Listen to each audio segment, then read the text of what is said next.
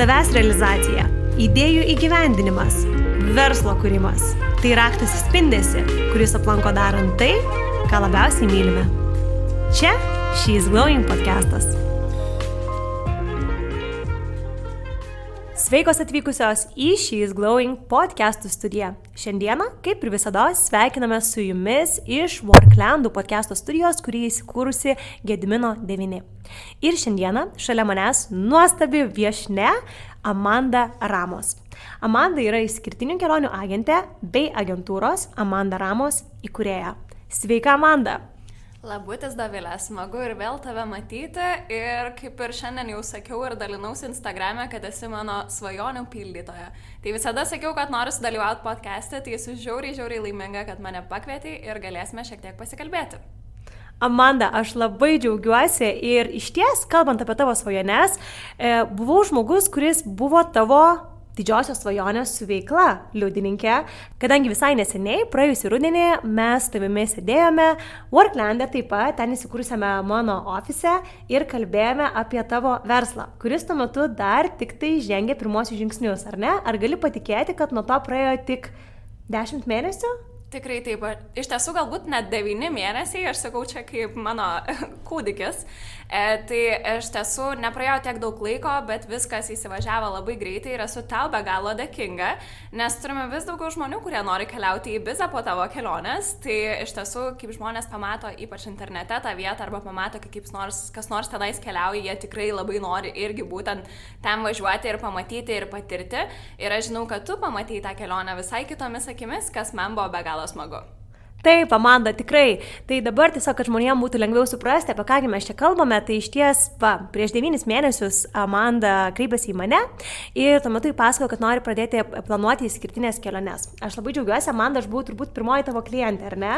Ne visai, bet kuriai iš tiesų daug žmonių mane žinojo prieš tai, dariau tiesiog planus draugams, savo šeimai, artimiesiems. E, bet tu buvai mano ta pirmoji klientė, kur jau uh, siunčiau iš oficialaus savo e-mailo kaip tikra kelionių agentė, o ne šiaip kaip hobis. Tai iš tiesų visą gyvenimą galvodavau, kaip tavo hobis gali tapti tavo darbu. Ir Ir iš tiesų tai įmanoma. Amanda, taigi pasidalink, nuo kogi reikia pradėti, norint savo hobį paversti realybę. Nuo susitikimo su Dovilė. O po to iš tiesų e, susideda daug dalykų ir viskas vyksta lėčiau negu tu tikiesi. Tai net elementarūs dalykai, tokie kaip puslapio kūrimas ar tavo viso brendo kūrimas užtrunka iš ties ilgai, kas man atrodė, kad čia porą savaičių ir aš būsiu pasiruošusi žengti į rinką. Tai tikrai taip nebuvo, tai užtruko ilgiau, e, reikėjo iš tiesų ir mano labai daug darbo, net kai ir dirbi su, tarkim, svetainės dizaineriu ir taip toliau, tu turi pats įdėti labai daug darbo, kad jis tave tikslingai suprastų ir tikrai, tikrai žinotų, kaip atlikti tą darbą, kad tau patiktų. Ir tada, na, manau, kad labai svarbu e, iš tiesų pasidalinti ar Instagram, ar kažkokiuose portaluose apie tave, kad sužinotų žmonės po to, kai apie tave sužino, viskas įsivažiuoja. Tai man iš tiesų tai buvo gan lengva, nes žmonės pasitikėjo mano paslaugą, pasitikėjo manim ir vis dar pasitikė. Tai dėl to labai uh, smagu pasidarė planuoti jiems keliones ir su kiekvienu klientu atsirado dar daugiau klientų, uh, kuriem planuojame būtent tas išskirtinės keliones. O kodėl jas vadiname išskirtinės, iš tiesų, uh, tai manau ir kodėl mano paslauga būtent yra tokia išskirtinė ir unikali, kad kiekvieną kelionę kiekvienam žmogui planuojame atskirai. Tai tikrai galima nusipirkti kažkokias keliones e, internete ar pačiam susiorganizuoti, bet būtent ką mes darome, mes įsiklausome į uh, žmogų, kas jam patinka, kas nepatinka, ką jie nori pamatyti, kaip nori leisti laiką ir suplanuojame visiškai be rūpeščio atostogas. Amanda, šį verslą pradėjai kai karantinas buvo visai čia, ar ne, tai buvo, na, dar jis vyko iš mhm. esmės. Ir taip pat konkurencija šioje srityje yra išties didžiulė. Tai galė, galima būtų pagalvoti, ar ne, kad rinka dar nespėjo atsigauti ir čia ateini tu ir nori dar planuoti išskirtinės keliones, ar ne? Ar pačiai galvoje buvo kažkokių stabdžių, o galbūt jų buvo iš aplinkinių, o gal visi tiesiog iš karto palaikė ir sakė, man da puikus metas, važiuok, daryk. Visada yra dvi pusės, tiesą pasakius, vieni stabdo, kiti palaiko, bet manau, kad reikia svarbiausia klausyti savęs. Ir jeigu tu tikslingai žinai, kad tu nori gyvendinti šią idėją, tu tikėjai, vadinasi gali. Prieš šitą verslą aš irgi turėjau įvairiausių idėjų ir ne visos buvo sėkmingos. Pavyzdžiui, visas jas palaikė. E, tai iš tiesų turėjau idėją, jog norėjau atidaryti fermą vaikams, kurie galėtų auginti daržovės ir taip toliau. E, pasėdėjusi traktorėje nusprendžiau, kad tikrai ne. Ir tada sakiau, ką aš čia savo prisigalvojau. Bet turbūt gyvenime reikia viską išbandyti, patirti pačiam ir suprasti, kad tas kelias tikrai nėra tau. Tai lygiai taip pat dariau ir aš, nors man aplinkiniai sakė visko, daryk, nedaryk, geriausia nieko neklausyti ir tiesiog pabandyti savo kailių, patirti tai, e, pasimokyti iš klaidų ir tada įgauti naujos patirties, kuri padės tikrai sėkmingame kelyje. Kokia buvo tavo pati pradžia? Kaip tu gavai pirmosius klientus? Iš tiesų, tai gavau iš Instagram platformos tikrai savo visus pirmosius klientus. E, jie sužinojo apie mane tiesiog girdėdami iš kitų žmonių, iš pasidalinimų Instagrame.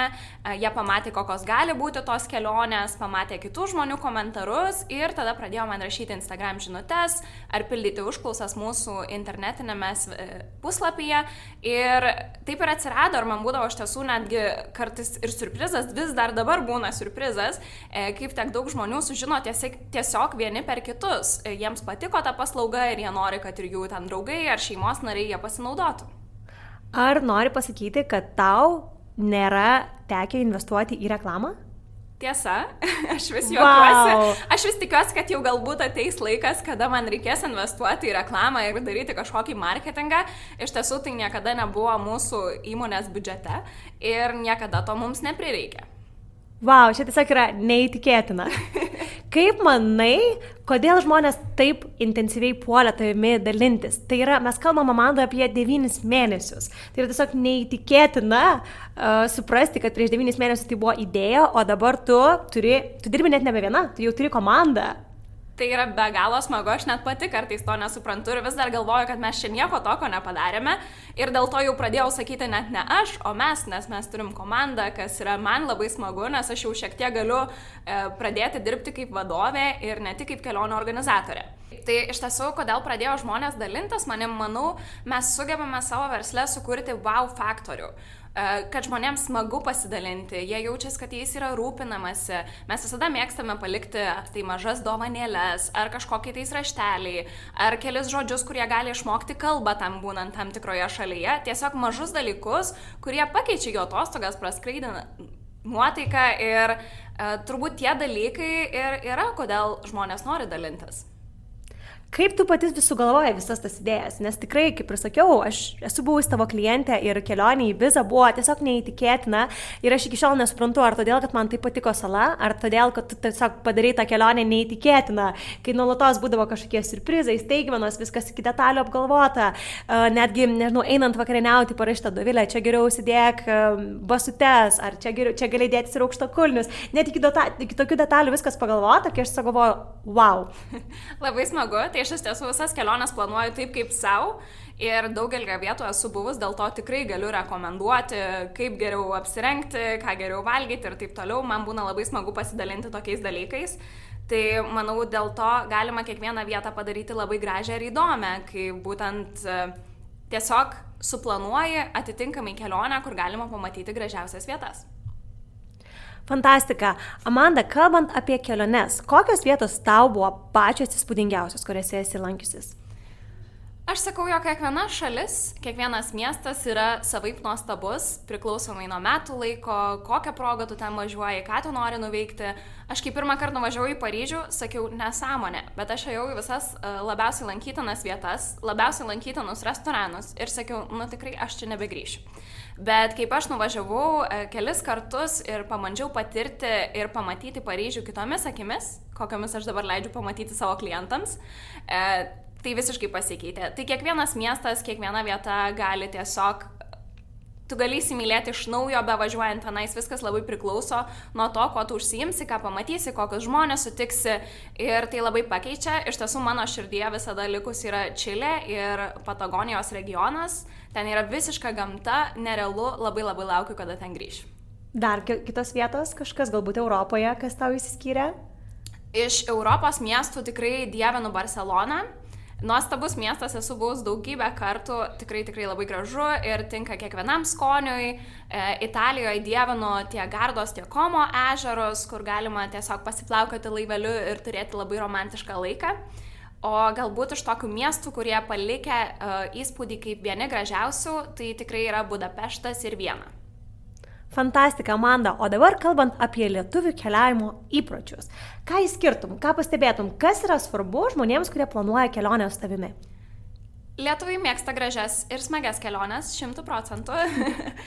bet kas iš tiesų labai svarbu ir ką lietuviai supranta, kadangi aš dirbu ne tik su lietuviais, bet dirbu ir su Amerikoje gyvenančiais žmonėmis ar Amerikoje gyvenančiais lietuviais, tai iš tiesų lietuviai labai mėgsta kokybę.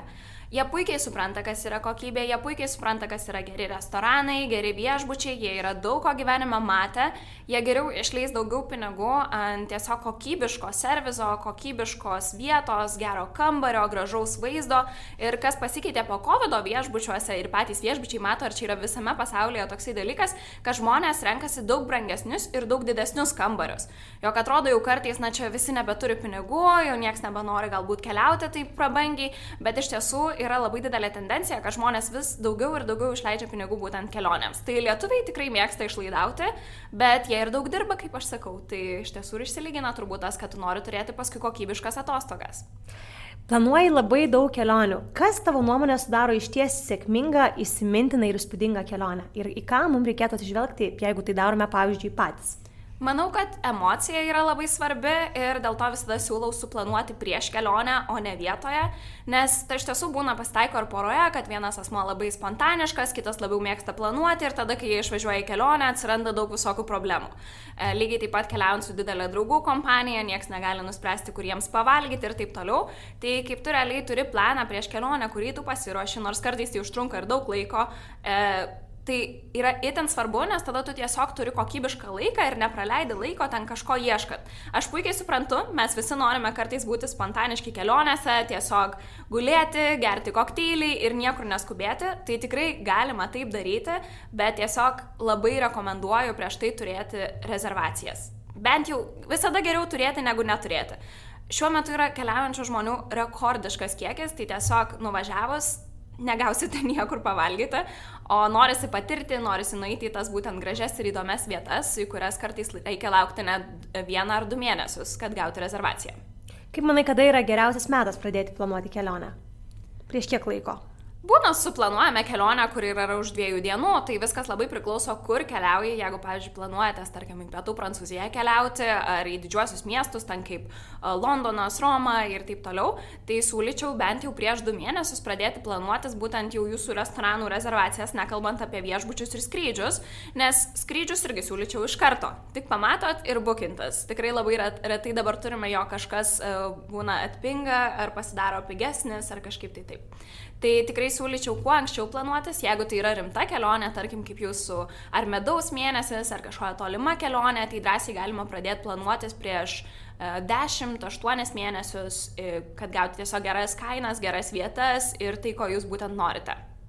Amanda, klausant tavęs, atrodo, wow, tu esi visiškai savo vietoje. Tiesiog, na, ko be paklausiu, gaunu iš karto super įsamų atsakymą, viskas detaliai, aiškiai, matosi, kad tu absoliučiai gyveni tuo, ką darai. Teisingai? Tikrai taip. Tai iš tiesų, kaip dirbi šiame versle, tu tampi tam tikros vietos ekspertas. Tai tarkim, kai tu nuvažiuoji, tarkim, į bizą, paimkime kaip pavyzdį, e, nuvažiuoji į bizą ir pamatai tas vietas, tu tampi tos vietos ekspertas. Tai labai lengva tuomet sudėlioti ir viešbučius klientams, ir vietas, ir taip toliau. Tai tikrai aš jaučiuosi savose rogėse, nes aš tiesiog nuvažiavusi jau žinau, kur koks mano klientas važiuos, kur jis valgys, kur kas ką veiks ir taip toliau. Tai viskas lengvai susidėlioja. Tik tai daug kas pamiršta, jog yra visa kita kelionių pusė, kuri nėra tokia graži, spalvinga ir prabangi. Tai yra visos bilietų rezervacijos, viešbučiai, visokių nesklandumų tvarkymas, automobilių nuomos, laivų, lėktuvų. Na, įvairiausi įvairiausi dalykai, kurie nėra tokie smagus, bet jie yra reikalingi, kad kelionė eitųsi sklandžiai. Tai aš jau buvau labai labai seniai būtent šitame versle, tik tai vis skirtingose, skirtingose vietose, nuo viešbučių iki renginių, kol galiausiai prikaupiau tiek patirties, kad galėčiau dalinti su kitais. Ar galėtum papasakoti, kaip čia atėjai, ką veikiai prieš tai, kokios buvo tavo studijos, ar visą laiką žinojai, ką nori veikti? Tai iš tiesų visada galvojau, jog noriu dirbti prabangiame viešbutyje, bet tuomet supratau, kad tai nėra visiškai man, nes aš labiau mėgstu būti viešbutyje, negu dirbti jame. Tai man toks būdavo lik ir liūdna žiūrėti į tuos atostogaujančius žmonės ir galvojau, kaip man tai pakeisti. Tada uh, po savo universiteto, kurį studijavau ir Šveicarijoje, Kinijoje, Ispanijoje ir turėjau porą praktikų viešbučiuose Italijoje ir Olandijoje, nusprendžiau, jog noriu pasinerti į renginius. Tai iš tiesų dirbau viename, vienoje geriausių agentūrų New York'e, kur darėme įspūdingus renginius, tikrai nerealaus biudžeto, bet tada supratau, kad galbūt čia irgi nėra mano ta stiprioji pusė, ką aš noriu veikti, nors man ten sekėsi puikiai, kadangi tas darbas buvo man itin sunkus ir aš nejaučiau jam tiek daug meilės. Na, tarkim, kaip tu renginį planuoji, viskas smagu, yra ta smagi planavimo pusė, bet kaip ateina renginys ir tu turi dirbti kelias dienas po 24 valandas, tada supranti, kad galbūt čia nėra gyvenimo kokybė. Ir iš tiesų esu dėkinga kaip ir COVID-ui, kad grįžau į Lietuvą ir čia praleidau e, du metus ir tada galvojau, jau tikrai grįšiu į New Yorką, gavau ten darbo pasiūlymą, e, dirbti vadovę, tikrai su nuostabiu atlyginimu, vizą. Na, amerikietiška svajonė mano išsipildė, bet tada aš supratau, kad galbūt nenoriu aš to daryti ir parašiau Doviliai, turbūt per Instagram ir sakiau Dovilę, noriu suplanuoti aš su tam tokį susitikimą, turiu verslo idėją, man reikia pagalbos. Ir iš tiesų aš turbūt atėjau dar pas Dovilę, neatsimenu, gal ir jai minėjau, kad, atsakau, turiu New Yorką pasiūlymą, bet kaip ir noriu geriau atidaryti savo ir dirbti savo verslui, negu dirbti kažkam kitam 24 valandas. Ir tada prieėmiau labai lengva ranka sprendimą Ir tik išėjus iš Dovilės, iš karto parašiau žinutę, Dovilė, aš jau susisiekiau su dizaineriu, mes darom puslapį, viskas paruošta, sakau, čia tuoj bus. Ir tada turbūt antrą kartą gal susitikome, ar tiesiog susitikome pasikalbėti ir sako, Dovilė, aš planuoju važiuoti į Bizą ir aš sakiau, Dovilė, aš suplanuosiu jums kelionę. Tai labai džiaugiuosi, kad Dovilė manim pasitikėjo ir leido tai padaryti, nes tikrai, sakiau, esi svajonių mano pildytoje ir šiek tiek e, palengvinai būtent tą įėjimą į rinką. Aš nesakau, kad tai galbūt atsitikt gali visiems verslams ir čia nėra kažkoks tais būtent rodiklis, kaip turėtų būti. Puikiai žinau, kad kiti tikrai turi investuoti į marketingą ir žiauriai tai yra džiugu. Aš irgi norėčiau, tai tikiuosi, kad ateityje to prireiks ir galėsime sukurti kokį nerealų marketingo planą.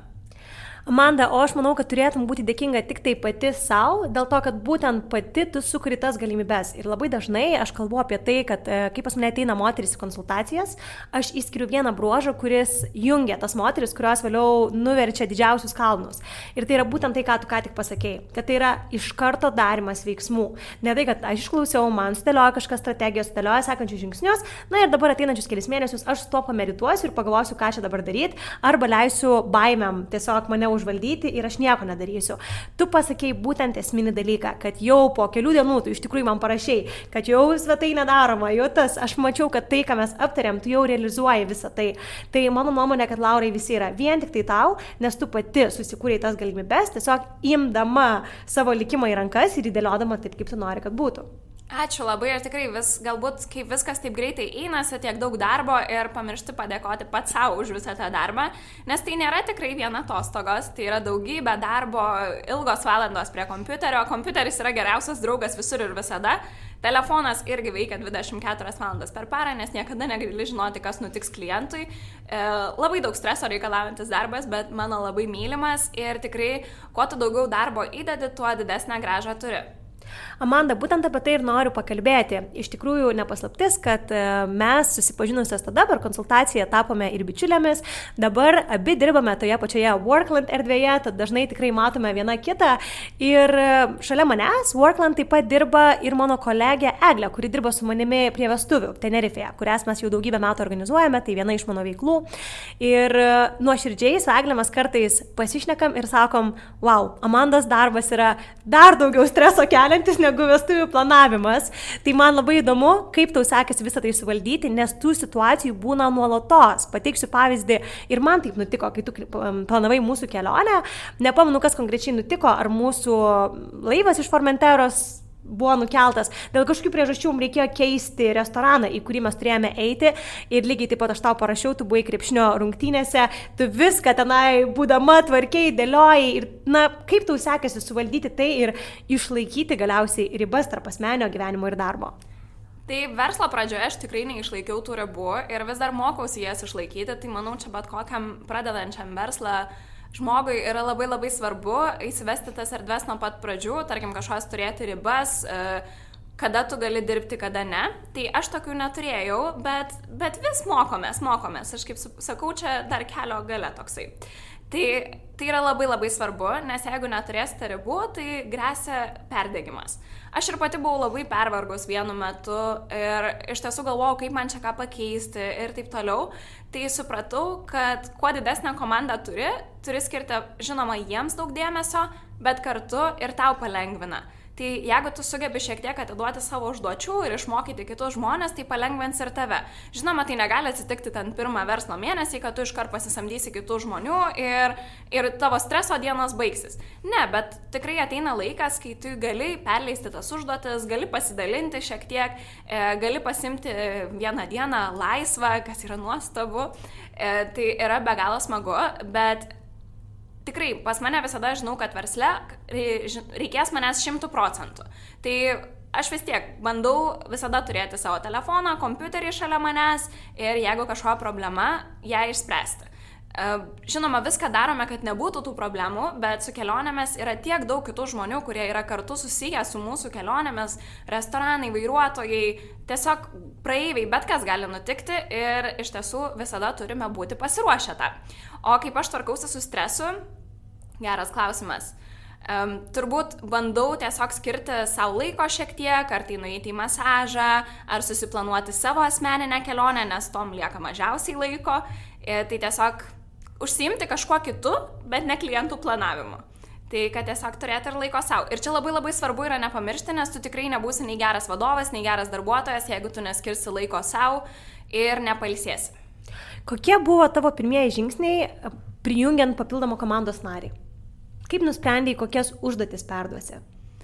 Geras klausimas. Tai iš tiesų nežinojau, buvo gan sunku, aš esu vadovavus ir prieš tai žmonių komandai, bet kai yra tavo verslas, tu įsivaizduoji, kad tu esi nuostabus visur ir viską darai puikiai be jokių klaidų. Bet aš pamačiau pati save, jog darant man ant sutartis, sąskaitas ir pildant visus būtent tuos dalykus, man labai labai nepatiko. Aš tiesiog buvau nelaiminga darant tai ir atidėliojau tuos darbus ir nusprendžiau, kad man tikrai reikia žmogaus, kuris užsijims būtent daugiau tą administracinę veiklą. Tai atsirado toksai žmogus, kuris e, būtent užsiema ir mano, ir ta prasme, mano diena pagerėjo šimtų procentų. Esu laiminga ir mielai investuoju į žmogų, kuris sugeba tai padaryti ir gali tai padaryti ir man reikia daug mažiau nervuotis. Ir tuomet jau pamačiau, kad man ir truputį stringa su kelionių planavimu, kad reikia žmonių, su kuriais būtų galima pasitarti, kad padėtų planuotis ir taip toliau. Ir tada atsirado būtent toksai žmogus. Iš tiesų, man nebuvo sunku rasti žmonių, kaip visi skundžiasi, kad labai sunku rasti darbuotojų. Daugelis merginų rašė man, e, jog nori dirbti su manim, jog nori būtent taip dirbti, čia yra svajonių darbas ir panašiai. Tai aš pasirinkau žmonės būtent į komandą tokius, kurie negalvoja, kad čia yra tik tai lengvas darbas, atostogos ir pramogos. Visi e, šie žmonės, jie žino, koks tai yra sunkus darbas, kiek tai reikalauja pastangų ir kad tu turi tiesiog dirbti kartais ir šeštadieniais, ir sekmadieniais, ir naktį, ir dieną, bet kartu, žinoma, mes randam laiko ir polsiui. Tai nėra toks šimtoprocentinis darbas. Amanda, kalbėjom apie tai, kad žmonės keliaudami su tavimi labai dažnai dalinasi dėl to, kad tu pasirūpini, kad jie jaustųsi kelionės metu iš ties labai ypatingai. Ką galiu patvirtinti ir aš pati. Tačiau man labai įdomu, kaip tu tai padarai. Jeigu tu susisieki su viešbučiu, į kurį nori skristi tavo klientas ir, pavyzdžiui, tu pati niekada tenai nebuvai, neturėjai asmenio ryšio, kaip tu nežinau, motivuoji viešbučius, kad jie išskirtinai priimtų tavo klientus, išskirtinai jais rūpintųsi. Iš tiesų, tai užtrunka tiek daug laiko, Buvo visai neseniai vieni mano klientai išvažiavo į labai ilgą honeymoonę Amerikoje ir galvoju, aš noriu padaryti jiems staigmenas kiekviename viešbutyje, bet jie keičia viešbučius kiekvieną naktį po visą Ameriką. Ir iš tiesų būna kartais skambini viešbučiui, praleidi valandą, kol sulauki, tada jie neranda tavo rezervacijos, tada jie nežino, ką gali padaryti ir taip toliau. Tai aš turėjau daug problemų pačioje verslo pradžioje, nes aš nežinau, kaip man prieiti prie viešbučių, kad jie būtent padarytų. Ir vėliau supratau, kad viskas ateina tik su gerumu ir bandymu pasakyti, koks jų viešbutis yra puikus, kaip jie viską gerai daro ir galbūt man jie galėtų padėti. Tada jie jaučiasi irgi įtraukti. Aš neprašau jų kaip paslaugos, aš prašau daugiau jų kaip pagalbos, kad mano klientai būtent galėtų pasimėgauti jo viešbučių dar geriau. Tai iš tiesų žmonėms labai yra svarbus komplimentai ir tiesiog su jais kuo gražiau kalbėtis ir bandyti juos įtikinti, kad galbūt gali padėti. Tai mes dažniausiai e, ieškom kokiu nors ir kūrybingų sprendimų, kaip tai padaryti, kas būtent klientams patinka, galbūt jie kažką labai mėgsta ir taip toliau. Tai būtent šitie klientai, kur yra Amerikoje, aš vis dar bandau atspausdinti jų vestuvių nuotrauką bent kuriam nors viešbutį ir dar nei vienas nesutiko, bet dar turim gal dešimt bandymų iki jų kelionės galo, tai tikrai tai padarysime.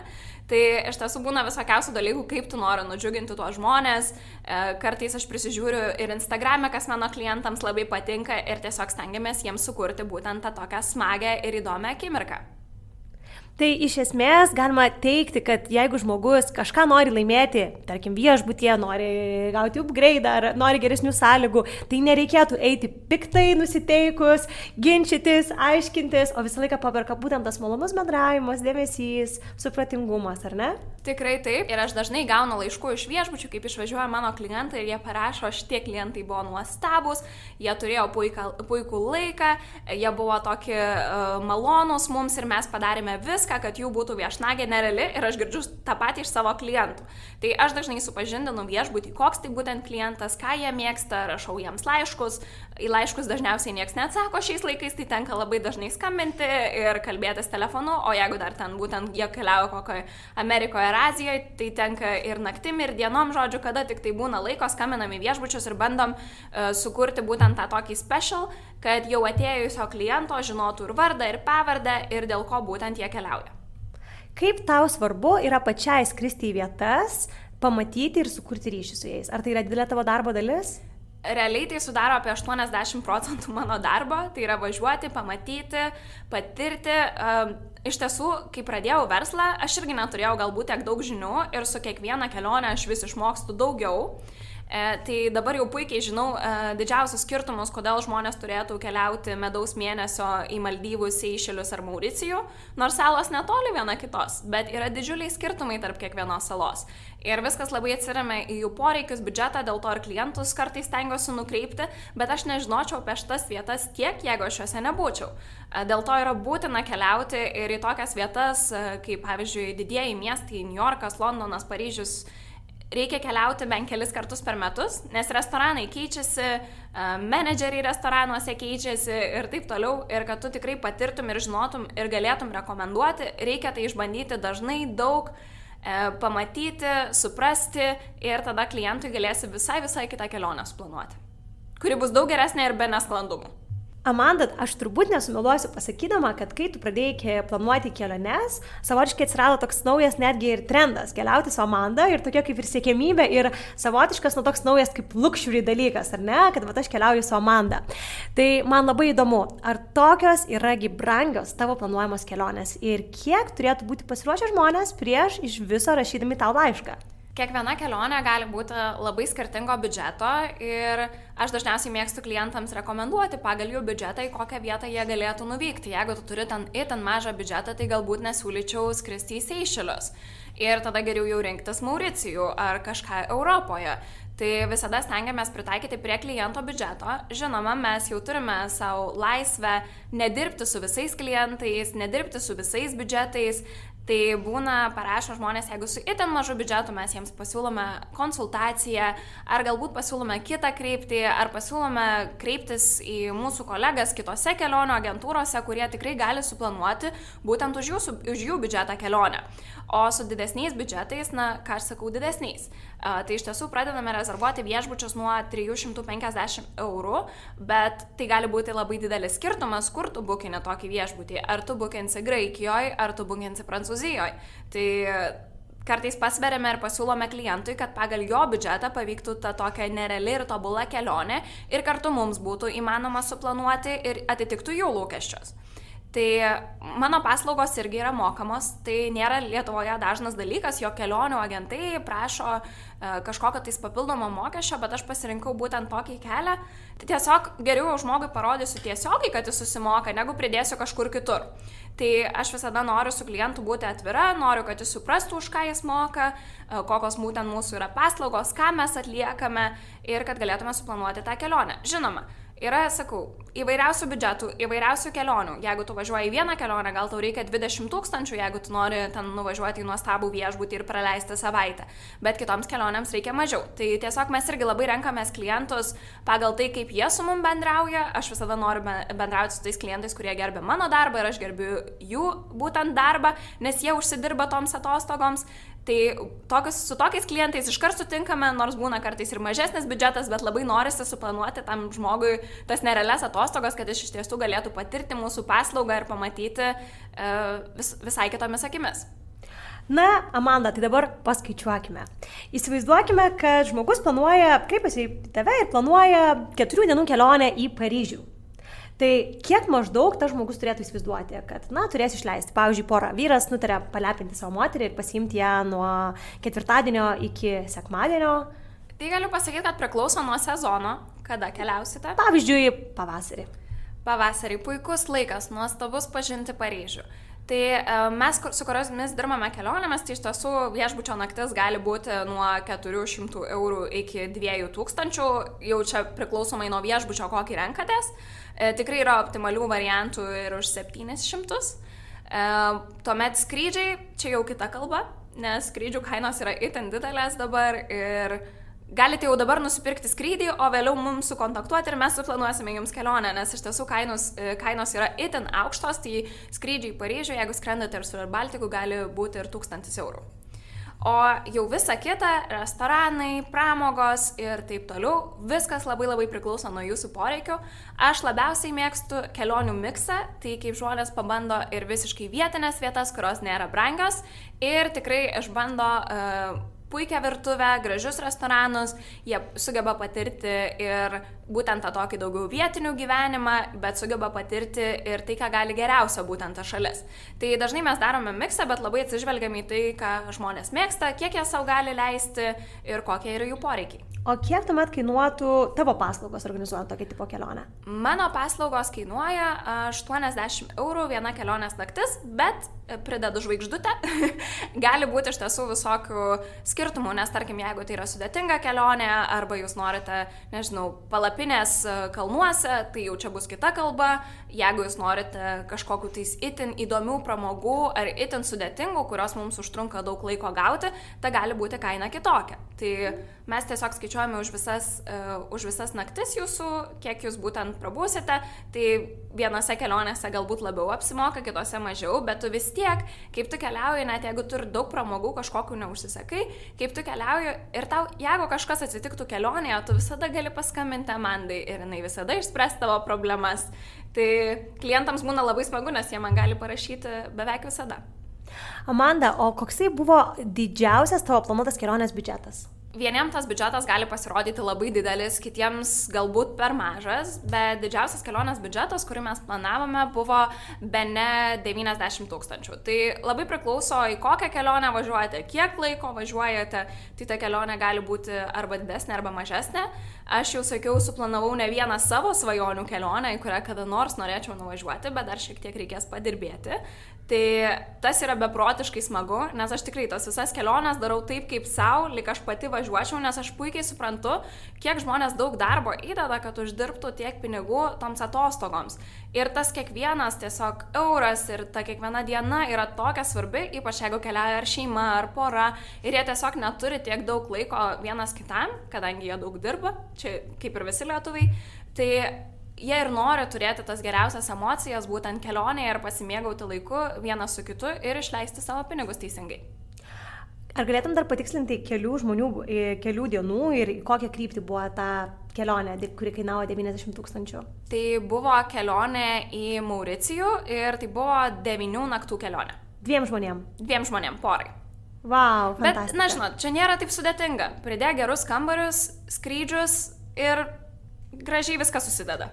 Amanda, per šiuos devynis mėnesius iš ties puikiai išnešioji savo kūdikį ir dabar jau galiu vadinti jį visai suaugusiu vaikučiu, tačiau žiūrint tavo energiją, entuzijazmą ir darbo etiką, net nebejoju, kad turi labai daug planų. Taigi, kas dabar tavo tiksluose ir svajonėse? Turim iš ties daug planų, bet sakiau, reikia mažiau kelionių, jog pavyktų įgyvendinti tuos planus. Tai manau, turėsime dar vieną komandos narį ir tada jau galėsime šiek tiek aukti kitose, kitose dalykuose. Idėjų yra daug, planų daug. E, norime turėti ir savo būtent kelionių liniją, e, kur galėsite nusipirkti tam tikrus daiktus, su kuriais galėsite keliauti. Tai čia yra man, man asmeniškai labai svarbus dalykas ir labai noriu tai įgyvendinti, bet kiekvienas projektas tiesiog atima labai daug laiko. E, kitas dalykas, kurį planuojame neužilgo pasileisti ir tikiuosi, kad visi galės pasinaudoti, tai būtent bus tiesiog internete, kur gali užsakyti ir nusipirkti kelionės planą į, tarkim, pagrindinės lokacijas, Ir manau, tai labai labai palengvins daug žmonių planavimą ir tai bus ir paprasčiau, jie gali drąsiai užsibukinti savo viešbutį, savo skrydį, bet gaus visas iš mūsų rekomendacijas, įmanomus maršrutus ir mūsų mylimus kontaktus, e, kuriuos mes mielai pasidalinsime ir jie tiesiog galės nueiti patys į visas fantastiškas vietas. Tai iš dalies žmonės galės net ir su mažesniu biudžetu, na, paragauti, kągi reiškia keliauti su jumis ir išbandyti tas vietas. Tikrai taip, tikrai taip. Mes norime tiesiog pasiūlyti visiems bent šiek tiek, kad galėtų pajusti tą ir suprasti, kokios kelionės gali būti, kaip galima keliauti ir jog tai nekainuoja tiek daug. Ačiū Manda už pasidalinimą ir artėjant link pabaigos, norėčiau tavęs paklausti, ką tu palinkėtum moterim, kurios galvoja apie savo verslą ir kurios dabar yra toje situacijoje, kurioje tu buvai prieš, na, pavyzdžiui, metus, kai to verslo dar net nebuvo? Aš palinkėčiau daryti ir tiesiog nepamesti savęs. Ir kai būna labai labai sunku ir atrodo labai daug darbo, tai tiesiog daryti, planuotis, stengtis, judėti į priekį. Man ir atrodydavo, ką aš čia darau, kas čia dabar bus, bet su kiekvienu žingsniu, su kiekviena mintim, su kiekvienu judėjimu tu tiesiog uh, kuri ir augini būtent tą savo verslą. Ir kiekvieną ta nesėkmė galbūt ar sėkmė tave išmoko vis naujų dalykų, kuriais tikrai tikrai pasinaudosi ateityje. Aš visos, visus, visas savo žinias panaudoju, kurias turėjau anksčiau savo darbe. Kartais man atrodydavo keistos tos mano užduotys, ką aš čia darau, bet iš tiesų viską, viską, ką anksčiau dariau, viską panaudoju, visos patirtys yra naudingos, tai kad ir ką dabar veikiate, kad ir kokį darbą dirbate, kad ir apie ką svajojate, viskas bus naudinga jūsų tam bendram ir galutiniam rezultate. Fantastika, Amanda. Ačiū tau labai už nerealią nuotaiką, kurią tikrai įnešė šiandieną į mūsų studiją ir tikrai iš viso širdies linkiu pačios geriausios kloties tavo veikloje. Ačiū tau, Davilė, man buvo be galo, be galo smagu. Tikiuosi, kad puikiai praleidai laiką klausydamasi She's Going podcast'o. O jei nori daugiau bendrystės, nuostabių ir įkvepiančių istorijų, naujų žinių, renginių ir kitų privilegijų, kurias gauna tik She's Going klubo narės, keliauk tiesiai į mūsų internetinę svetainę www.sheisglowing.lt ir tap mūsų klubo nare.